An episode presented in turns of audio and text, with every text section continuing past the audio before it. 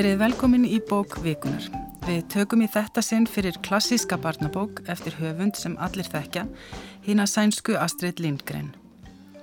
Þessi bók, Bróði minn Ljónsjarta, kom út árið 1973 á frummálinu og strax árið 1976 í íslenskri þýðingu Þorleifs Haugssonar. Og svo þýðing markaði nokkur tímamóti útgáfi á verkum Lindgren á íslensku eins og kom fram í viðtali Jóruna Sigurdóttur við Þorleif í Viðsjá. Ég þýtta 1974 fyrir morgunstund barnana sem Silja Aðarsteinsdóttir sáum. Fram að því hafðu bækur Astrid Lindgren komið út mjög stópult og tilvíljana kent og ekki mikið til þeirra vandal. Þýðingarna voru voru heldur uh, ómerkilegar, þessum bóku var lítil virðing synd og, og sem sagt uh, Margaret til dæmis Elsku Míóminn sem kom út 1954 uh, í Svíþjóð, hún var ekki þitt fyrir en Heimir Pálsson þittana fyrir morgunstundmannana sem Silja stóða líka og, og það var sem fluttu 1973 en síðan upp úr þessu, upp úr því að Bróði Miljónshjálta kom út þá fekk mál og menning engar rétt á, á þýringum á bókum að Stilingren og réði þá úrvalstíðendur. Vilborgur Dæbjörnsdóttur að þýða Emilí Kattvaldi og, og, og fleiri og fleiri. fleiri, og fleiri. Astrid Lindgren var fætt árið 1907. Hún var því 66 ára þegar bókin Bróði minn Ljónsjarta kom út og hafði þegar skrifað badnabækur í 20 ára meðal annars um sterkustu stelpu heimi Línu Langsokk óþægt rángan Emil í Kattolti og skrítnakallin Kalla á þakkinu. En þessa bækur er ekki síst frægar fyrir uh, óvinnulegan boðskap svona miða við badnabækur. Gesti mínir í dag eru Dagni Kristjánsdóttir, professor í Íslaskum bókmöntum og Snæbjörn Brynjásson, réttöfundur. Verið velkomin. Takk.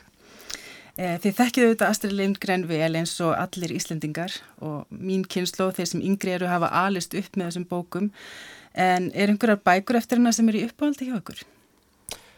Jú, jú, ég menn eins og allir aðri þá hefur maður atna, tekið þátt ég setjum Emil í Kattoll í, í grunnskóla og svona sko. Elsku Míóminn er í svolítið uppáhaldi á mér. Það er svona, það er svo fallegt ævindyrið í því.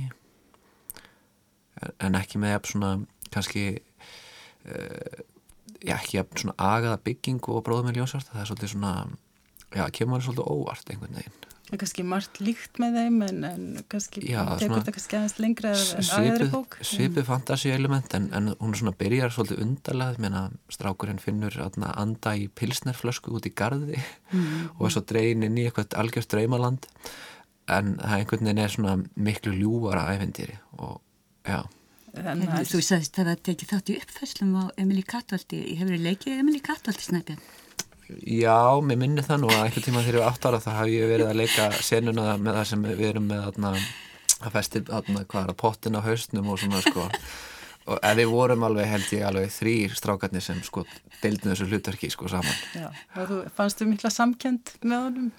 Já Smiðjum, fórst í smiðjukofan? Nei, ég fór ekki í smiðjukofan, ekki ekki svo langt kannski hafa kliftað út úr, úr sögunni En lastu flesta bækurnir einar? Já, það voru kannski meira lesnar fyrir mig mm -hmm. en, uh, en já, jú, ég, ég gerði það svona um tíu ára aldur var ég lasið þessa bækur lestar. Hvað segir þú Dæni, með þig?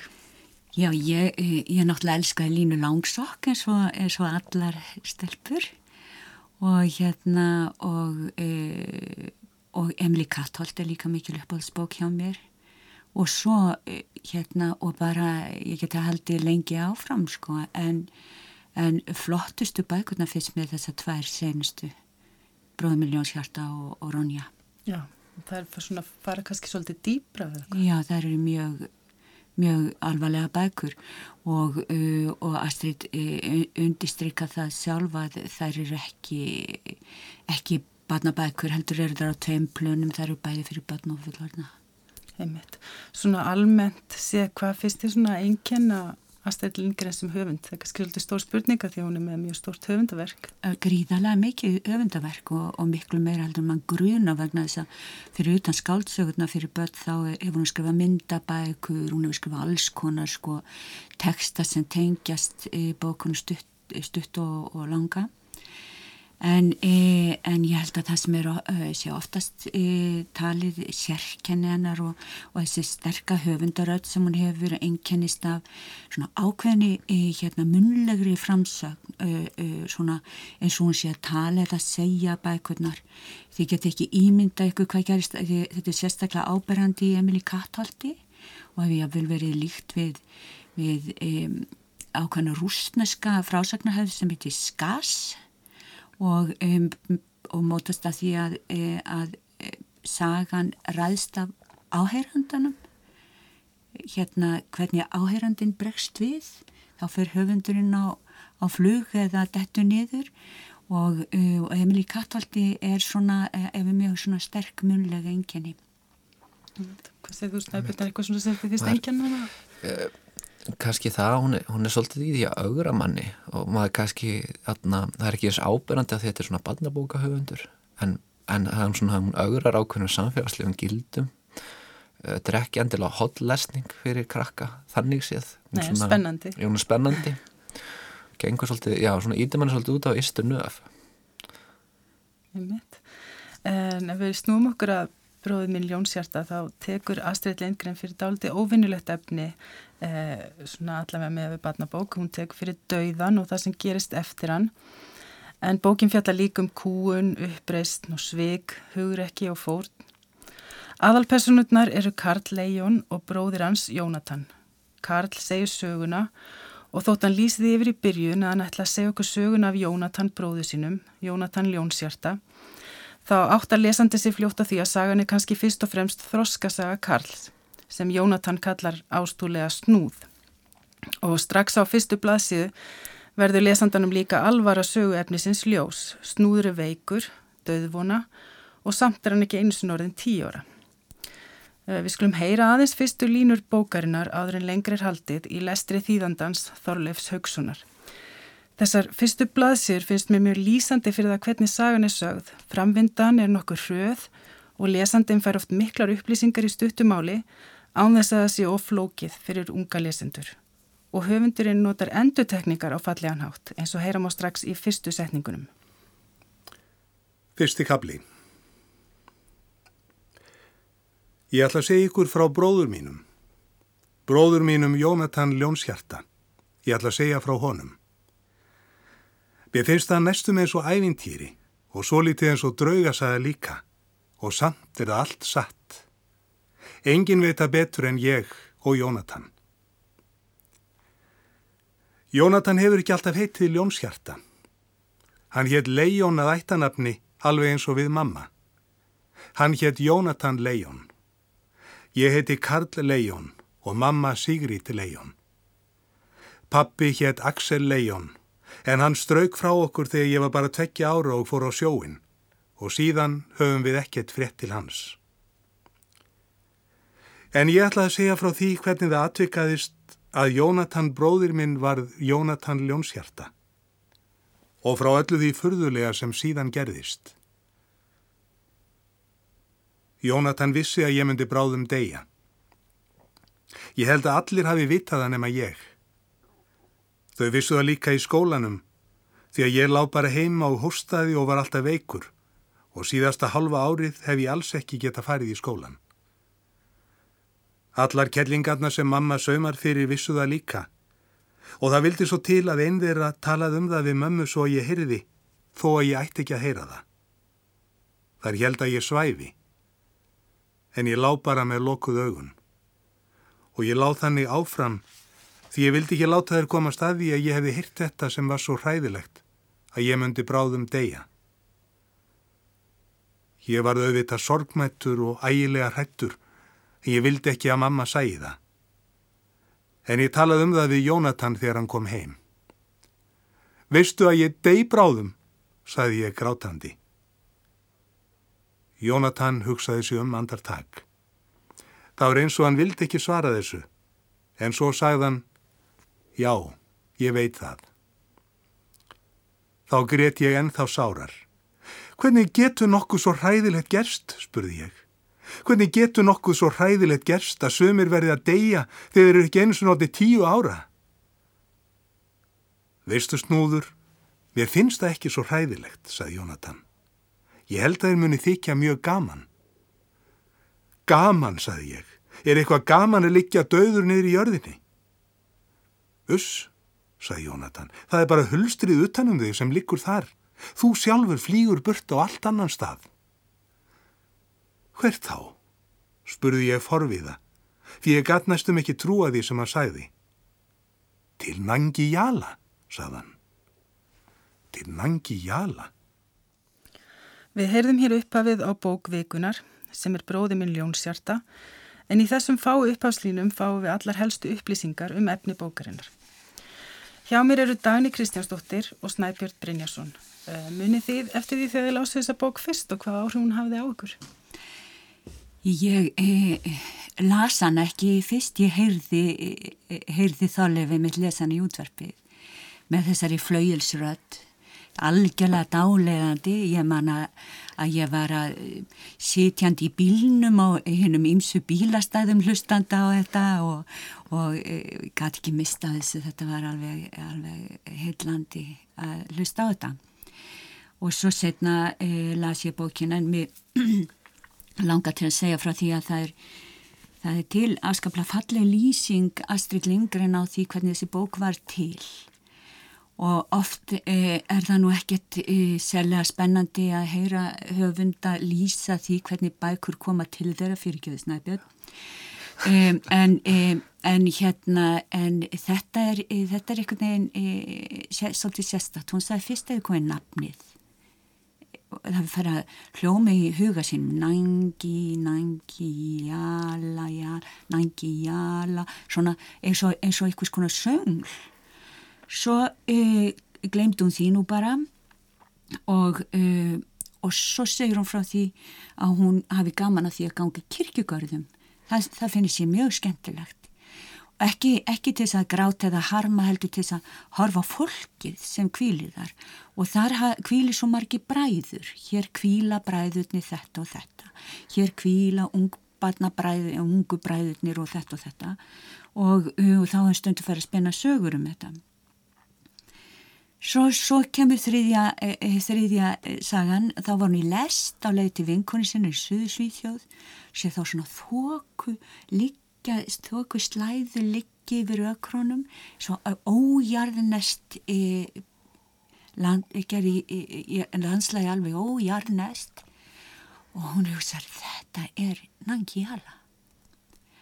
Og, og, og svo stuttu setna þá var hún við kvikmyndatökuna á á hérna á Emil Kattholti og Janne litli Olsen sem leik hérna Emil. Og hann leittist svo þegar var verið að býða eftir tökunum og stóri bróður hans var þá oft hjá honum og var að hugga hann og skemmt honum og henni fannst þið svo fallegi saman og hann hugsaði þetta eru bræðurnir ljónshjarta. Og þá var þá var allt til, til reyðu búið. Mummi Og hvað segir þú Snæbjörn, mannst þú eftir því hvernig þú svona kynntist þeim fyrst þessum bræðurum? Já, ég hef náttúrulega teirt þessa sögum hana Astrid að röldi mér í kirkugerði og, og rekast á gröf með tömmu bræðum og, og finna þar innblásturinn. Ég er nú svo heppin að sko að ég man eftir að hann Þorleifur hefur nú lesið fyrir mig í æsku að því að hann var giftur frænguminni og ég hef bara verið í pössun hjá fransískjónum og, og ég hef heirt hann lesa bút úr bókinni um, já og svo mann ég mann nú alveg eftir að hafa heirt hann að lesna heima líka sko og lesa hennar síðar, hún var líka mikill innblástur. Uh, ég, ég, við lásum hann yfir ég og kjartan þegar vorum sjálfur að, að, að vinna okkar eigin fantasíum því þetta er í rauninni einn bara best sko skrifaða sko svona young adult bók getum við sagt, ungvinna bók sem, sem fyrir finnst. Algjörlega. því sko þrátt fyrir sko að sögumæðurinn er náttúrulega mjög barnalegur sem er mjög skemmtilegt svona eh, bragð þess að það kaupa á þá er þetta mörgu leiti sko mjög þroskuð saga sko og aðna hún hæfir alveg vel aðna öllum aldursóknum getur maður sagt eins og mm. bara í rauninni mm. svona góðar ungmennabækur gera mm. og, og eins og er mjög algengt í þannig þá er sögumæðurinn frekar einfaldur oft en tekum hann í gegnum sko mjög svona hvað maður segja svona stór uh, og mikilvæg sko aðna gegnum svona stó, stór og mikilvæg mál eins og dauðan og sorgina og ástina og allt þetta. Og svík og pretti og, og lönnráð sem hann skilur ekki Emmett. sem hann er vittni að. Sem verður eiginlega ræðilegasta sem hann hefur upplifað, það eru svikin Já. ekki endilega dauðin og sorgin. Já, heldur að, að þessi svikari. Já og þetta sko, þetta upplifa uh, börn uh, sem lesa þetta upplifa þetta sem mjög, mjög spennandi og mjög uh, óréttlátt og, og agalegt og þau þeisa þarna um með, með drengnum og, og, og allt þetta. En, en fullarni lesa þetta á allt öðru plani. Já, en það hefur líka áhrif á mann sem fullarinn að lesa bókin já, já, tvímarlöst já ma, ég mann eftir hvað maður var því rauninni svona reyður sko. þetta, maður verður bara alveg brjálaður yfir þessu en, en þetta er náttúrulega hvað maður segja, þetta er svo sem mjög fyrir sjónlegt þannig séð frá, En svo ég hef alveg upplifað það að börn hafa hreinlega svona fylst mótró og vilja ekki lesa lengra þegar eru allt innu bara sögu personun að deyja og það er ekki, það vönd því í rauninni í barnabókum. Það hafið því svona upplifað þau viðbröð hjá börnum að heyrtum að, að þetta hafi svona svolítið, það sé svolítið erfitt að halda áfram einhvern veginn eða? Nei, eh, ekki hérna, eh, ég hef eh, ekki vita það. En, eh, en hins vegar eh, vegna sem ég, eh, ég trúi Astrid Lindgren alveg þegar hún segir að, að börn eh, upplifi endin ekki sem dauða heldur sem stökk inn í, inn, á nýtt, inn í nýtt líf eða, eða á nýtt plan bara í bókinni. Þannig að, að þau verð ekki, ekki sérlega sorgmætti yfir endi þessara bókar. Nei. Það eru full, það er fullorna fólki sem skrifaði henni og hringdi henni og sagði að sagðist aldrei hafa gráti jafn mikið á æfi sinni eins og yfir þessari bók. Það, það, en það er, það er annar lesa aðeins öðruvísi. annar óti, já. ég var nú orðin mjög fullorðin sko þegar það rann upp fyrir mér að, sá möguleiki að, þetta, að, að, að drengirnum væri raun bara dauðir. Þeir hefðu bara látist í eldsvoðanum og þetta væri allt saman að gerast þarna í, í, í, mið, í miðjum sko hamförunum einhvern veginn. Og maður Já, dauða stundinni að dauða stundinni kannski og þetta er bara þeir eru í, einhverju losti sko. Og, og ég man ennþá ég man eftir hvar ég var sko þegar ég heyrði það fyrst. Ég var að þarna, spjalla við sænska vinkonu mína og við fórum með mitt að tala um Astrid Lindgren og fórum að tala um þessa bók. Og hún hafði þessa allt öðru sín en ég. Og ég fór náttúrulega bara í sjokk sko því að sko þá hafði ég kannski ekki lesið hann í rúm tíu ár. Og ég var bara mjög ósamála og ég var bara mjög reyður en, en núna í dag, sko, eftir að hafa lesað nokkur til viðbótar, þá er þetta náttúrulega þá er þetta svona aðeins búið að síast inn, sko, að þess, þetta sé vissulega möguleiki, sko en, en svo er einn hlýðamanni sem vill alltaf trúa því að sko handafinn hangi alla, þá er annar heimur og svo annar heimur Já, það sko, það við skrifum doktorsrítgerðum þessa bók, e, margar raunar, en e, ein, e, ein þeirra heitir Skorpan lever. Já. Það er skorpan er hérna nafn, Það sænska nafnið, það, það er tví, þýði tvíbaka á sænsku, Já, já. og hérna en sænst, e, já, snúður lifir, Já, já, við skulum bara hafa það fyrir satt. já ég, ég fer að spreyja þetta eftir, sko, Já, já. einhvers stað En það sem náttúrulega gerist þarna í fyrstu köflu bókarinnar er náttúrulega eiginlega ennþá verið en það sem er verið að gefa til kynna þetta í byrjun þegar við, það sem við hlustuðum á í, áðan að Jónatan sem er eins og ævintýraprins í útliti og líka góður og sterkur og getur allt og skilur allt að hann lætur lífið við að bjarga litlu bróðu sínum úr eldsvoða og svo deyr snúður úr veikendum sínum tveim mánuðum setna og sem betur fer þá fylgir því ekki eintóm sorg það bræðinni fara vissulega til Nangijala í Kirsuberjadal og þar er lífið einfalt og auðvelt, allir eru hraustir og fá það sem þeir hafa óska sér. Það er eins og þessi komnir aftur í tíman svona, til tímabil sem Jónatan segir vera unga og ferska og góða öll það sem lifnaðarhættir eru einfaldir, auðveldir og góðir.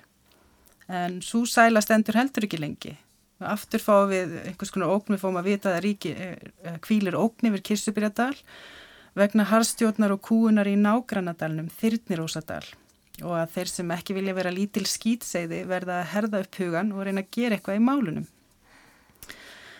Og í bókinu þá segir Jónatan við snúð, það er til ævintýri sem ekki ætti að vera leifileg um, dagni. Ég myndist á aðan að Lindgren var löngu orðin svona virtur höfundur þegar hún skrifaði þessa bók um, hún er að fjalla um svona erfið málefni. Það þarf kannski virkilega að sjóa það höfunda til að gera það vel og hafa hugur ekki til þess? Já, tvímalust.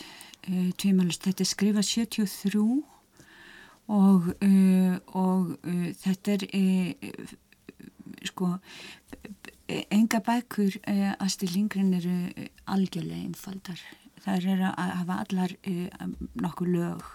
En þetta er mjög flókin bók að mörgu leiti. Við erum búin að tala um það hvernig börn upplifi, börn upplifi þetta kannski ekki endilega sem sem dauða í lokinn þau upplifið þetta sem spennandi, eh, spennandi leit og bara áttu góð svo íls og svo framvegis. Bókinu hefur verið lesin á marga vegu, hún er mjög uh, hérna uh, áhugaverð þannig séð. Lesin sem allegóri, lesin sem allt mögulegt. En, um, en, en það sem er, er svo áhugavert við hana er það að, að við vitum í raun og veru aldrei hvað gerist. Við sko hérna snúður er veikur og hann er döðvona hann er sennilega með bergla og, og, og raun tími bókarna hún er kannski sett niður 1905, 1910 eða eitthvað svo leiðis í, í, í, í Svíþjóð. Svona sépa á þegar Emil í Katóldi gerist Cirka, cirka, já og, og, og döðveikt batni í þessum húsakinnum þetta er e, sá tími. En e, Uh, og svo uh, sem sagt uh, er hún skrifið 73 en, en í milli spjaldana í bókinni eru tveir heimar. Fyrst þessi raunheimur svo tveir heimar þar fyrir utan. Mm. og, og ef að Jónatan deyr og fer til Nangiala og snúður á eftir honum. Hvað þá Nangi líma í lokin? Mm. þeir deyjaður aftur í eftir að vera dánir. Er, getur maður bara farið úr einu himnaríki eða úr einum himni í annan? Eða hvað degja þeir aldrei? Er þetta allt sama fantasia e, hvað er hvað í þessari bók hún brítur þannig séð sko e, bara ymsar e, klassiska reglur um fantasíur. Já, og líka mjög aðtilsvært því samvikið, það er, þú veist við erum hérna með stríð og við erum með drega og mm. þetta er svo mörguleitur mjög klassíst sko, bara átt að góða svo íls. En á sama tíma sko í svona flestum fantasíum svona, sem eru svona með svipaða uppbyggingu þá er stríðið í rauninni háð. Það er að segja sko eh, bræðinu myndu vopnast og svo fara að berjast við einhverja dregan og svona. Ja. en það er í rauninni ekki það sem hún svona það sem hún, svo saga sem hún dregur upp að því að Jónatan er í rauninni svo góður, hann er svona hálpartinn sko nánast Jésu eða Gandhi sko á, á köplum sko, þetta er svo mikil svona fríðar bóðskapur í þessu líka. Þetta, Það er kannski eina af þeim svona, það er svo marga spurningar sem eru náttúrulega svona vakna og það er kannski eina af þeim spurningum þetta með hvort að farsal frelsisbarótt að verði alltaf að vera ofbeldisfull og hver er þá munurinn á þeim vondu og þeim góðu? Og þannig einmitt Jónatan getur ekki drefnit en það er frelsisetja örvar sem getur það. Og hann segir ef allir væri eins og þú þá fengi ílskana ríkjum alla eilíð mm. en snúður hann svara fyrir hann og segir ef allir væri eins og Jónatan þá væri engin ílska til. Og þetta er náttúrulega eitthvað sem við erum alltaf, svona, alltaf að koma upp svona spurningar í rauninni. Ja. Hvernig, hvernig ámar að berjast eh, hvern, ja, rýsa upp gegn hennu ílla er það hægt með því að vera ekki vondur? Ég, það, er, sko, það, er, það er í raun og veru e, veldur svolítið á því hvernig maður e, tólkar endin hvort þeir farast í, mm -hmm. í mhm. lokin eða, eða ekki einn tólkun á bókin er það að, að þeir stökvi þeir, þeir taki, taki mm -hmm. frumkvæði þeir stökvi bara inn í frelsið þegar þeir stökvi inn í sitt, sitt, eigið, sitt eigið líf. En betri heim til að hann glima áður ennþá betri. Í óvissuna. Já, já, já, e, út í óvissuna eða hvað, hvað sem er og þannig sé endurinn skrifaði fyrir börn til þess að hvetja þau til að, að, að taka taka lífsitt í sína eigin hendur eða að taka afstöðu taka velja. Og kannski ekki á forsendum þeirra sem vilja nei, gera nei. Og, og, og, og líka það að baráttan millir góðs og íls, hún er, hún er, henni líkur aldrei. Já. Þú verður alltaf að berjast stöðutrengt úr af einu sviði yfir á annað og svo endar hún í barátt og þetta gefur, gefur sérst þjáningunni og, og óttanum og allir því merking og tilgang. Það meina en eitt af þessu sko sem snerti við frelsunu og döðanum hérna, það er það sem gerði bókina pínlítið umdelda á sínum tíma. Þegar hún kom fyrst út hún fekk alveg lofsamlega dóma í flestum stöðum en það voru sumir sem gaggrindi það fyrir að í rauninni gefa döðunum allt of jákvæða byrtingament og, og, og vildi ég að meina að þetta verður náttúrulega kvartning til sjálfsvíks eða eitthvað slíkt. Já, þetta, og þetta er sagt alveg fullum fötum. Þeir eru stökka í lokin. Já, já, já. þeir velja, velja döðan Það er svolítið, það er svolítið hugrækt í batnabók sko. Og það sem Snúður segir náttúrulega er einmitt, uh, hann segir að Nangi Jala geti aldrei orðið samt eftir þetta stríð og eftir að þeir hafi einhvern veginn hort upp á fólk drepa hvort annað og svona þá verði uh, Nangi Jala aldrei ein, uh, eins. Þannig að fyrir þeim er þetta kannski, þeir vilja fara eitthvað betra. Já, þeir, það, það, það, það ítla hefur snert þá sko, þeir verða að byrja upp á nýtt. Þeir hafa orðið fyrir eldi köllu sem Já. er skrimslið. Og, en það er náttúrulega mjög mikið af þessum hefðbundni fantasi elementum í þessari bók. Og hérna, ég minna, hún er eh, kannski svona, eh, já, mjög mikil fantasi, hún lítur að hafa verið svona, hvað ég segja, mjög mikil fyrirmynd í fantasi og skrifum fyrir höfuð. og kannski fyrir þig líka. Já, já, ég menn hún er klárlega mikil áhrifavaldur á, á mjög marga höfunda, myndi ég að segja og, og það kannski svo sem uh, ég veit ekki hversu öðvöld það er að reykja það í, í verkum annara en en, en, uh, en við svona sjáum þetta, þetta er, hún er náttúrulega er svo vel hvað maður segja skorin niður. Hún, hún, það, hún fer ekkert mikið út fyrir ramman í fantasínu, þetta er það er einn góðudalur, það er einn slæmudalur þeir eru mjög erkitypískir og kalla mjög erkitypísk vera. Það er mjög mörgt sem er svona erkitypist í rauninni eða ekki? Og svona staðlaðar myndir kannski.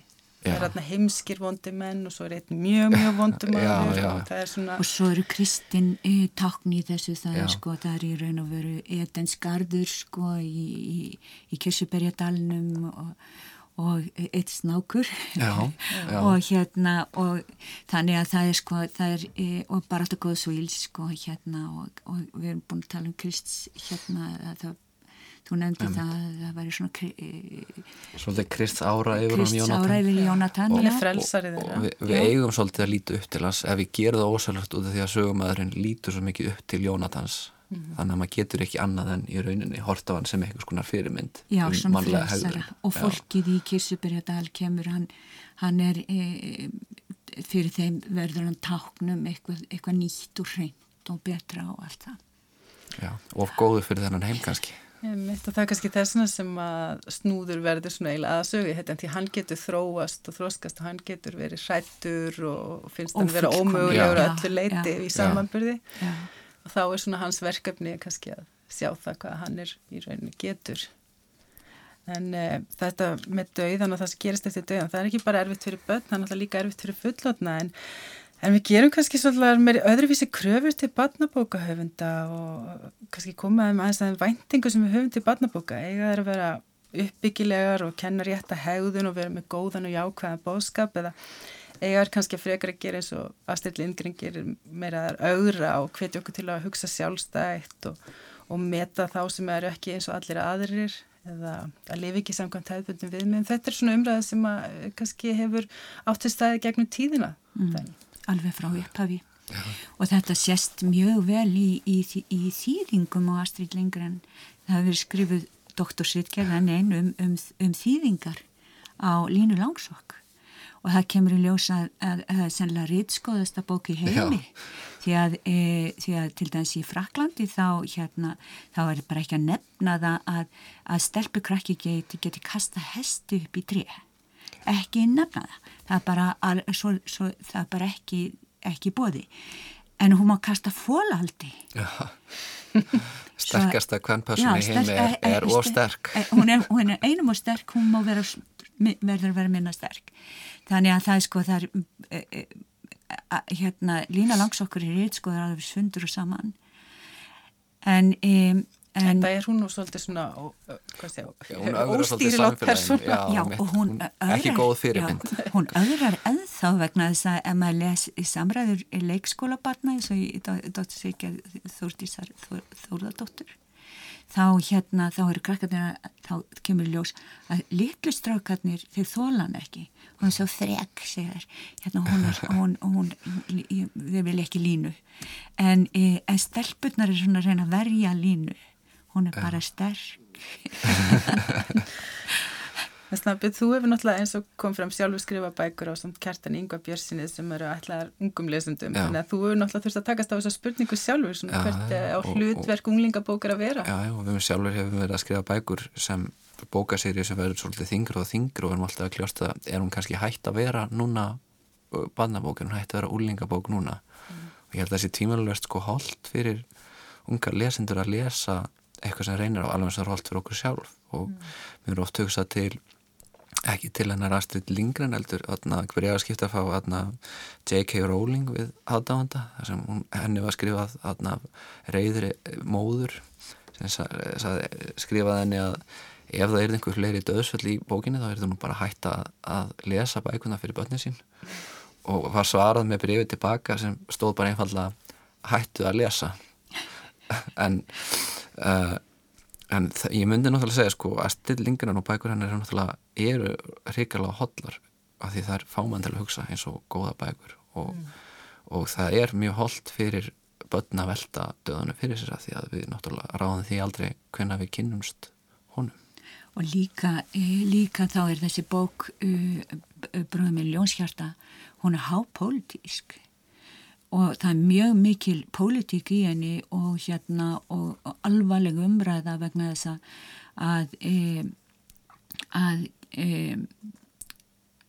þengill er ennræðisherra mm. og þetta er allræðisríki sem að hérna það sem hann e, ríkir yfir þegnunum og, e, og kóar þá og hlerar og njóstnarum og, og það eru uppljóstrar og svo framvegis framvegis Þannig að, e, að kúuninn og, hérna, og harðræðið sem allir eru beittir þarna e, vekur upp frelsistrána og baráttuna e, e, þannig að því verð sem að fer með fólki því reyðara verður fólkið og því sterkari mhm. verður, verður bál uppreysnarinnar.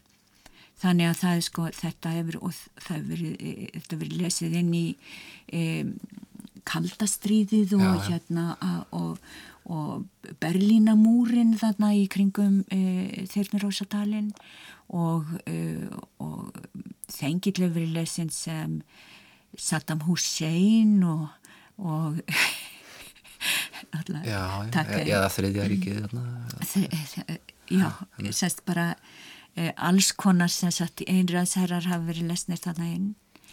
E, og, og í raun og veru er e, fíkuran hérna þengill mjög, mm -hmm. uh, mjög uh, áhugaverð Já, Katla er náttúrulega svolítið kjarnorku sprengja Já, hún getur hún eitt heiminum.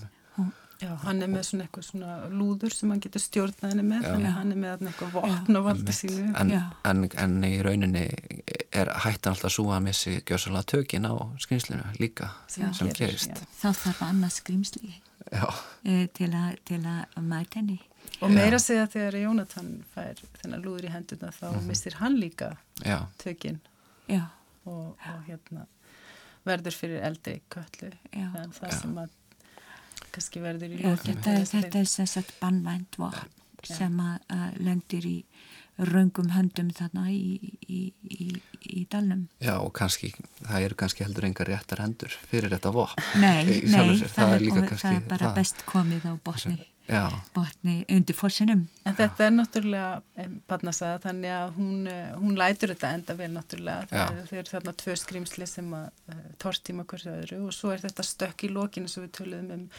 þá er þeir samt að fara á betri stað þannig að við kannski fáum bæði við fáum en kannski svona ákveðin hroll og ógn sem er kannski líka eitthvað sem að börn sækast eftir er mhm. spennandi í barnabókum það er kannski, við höfum kannski ekki talað um það það er þetta með að börn vilja kannski líka láta hræða sig og hafa eitthvað svona ókvikjandi að takast á við. Já, börn eru nefnilega alveg ótrúlegt uh, raunsægis uh, fólk og, uh, og það sko það svo spurning sem að Astrid fekk hvað oftast frá ungum lesendum var koma þengill og kalla aftur. Já. Þau koma þau í nægi líma. Já. Svo þess að hún fann sig núna til að gefa ofinbara yfirlýsing um hvað hafi orðið eftir lok bókarinnar. Já. Og það segir hún hérna að, og það segir hún hérna að, að Þengill eh, og Katla hafi ekki komið til nægi líma. Og, um, og hvert Katla og karm, karm, Karmur, sem er Karmur eða Karm? Þessi Karm.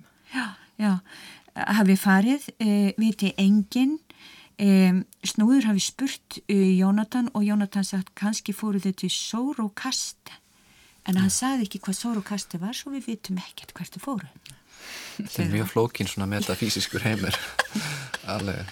En, um, en það segur ekki að þessari börn vilja uh, síðan svona raunsæg og vilja uh, fá svör, en þau, það er, þau vilja kannski líka einmitt uh, takast á við þessu spurningar eins og með döiðan og hvað gerist eftir döiðan, þau vilja svona aðeins uh, ekki líta framhjáði eins og okkar hætti kannski til þegar við erum að tala um börn, það er að tala ekki um þetta, Já. en þau Já. kannski vilja það líka. Já, það er sko uh, og, og þau vilja vita sko uh, þau, þau er ekki hrætt við uh, það að, að úlfurinn uh, sé skorin upp og fylltru steinum og hendi brunni, það er bara ágætt þannig að það skilir en, uh, en þegar við komum með svona Disney útgáfu og úlfurinn, úlfinu með sleft og lofar að vera góður þá trúa þau því ekki. Þannig að þau vilja fá bara skýrsvör Já, og svona réttlæti kannski. Já. Já, ákvæmlega En allir við viljum samt ekki öll haldi í vonuna það er nú kannski að sterka við bókina að maður, Já. þetta ótýraða svar það gefur manni svona ákveðna von allan að ég vil alltaf vona sko, þrátt fyrir allt Já, það er nú eins og bókin er nú eiginlega að segja já, það er eitthvað, það er ennþá betri heimur og það er æfintyrilegur og góður heimur og, og jafnvel þó það sé ógnir það, þá er ennþá betri heimur þar á eftir og Já. hérna, við fáum svolítið svör. Já, það er það er nefnilega von. Það er, e, það er nægi líma, hvað sem það er. Þannig að, að það er hægt að halda í hana.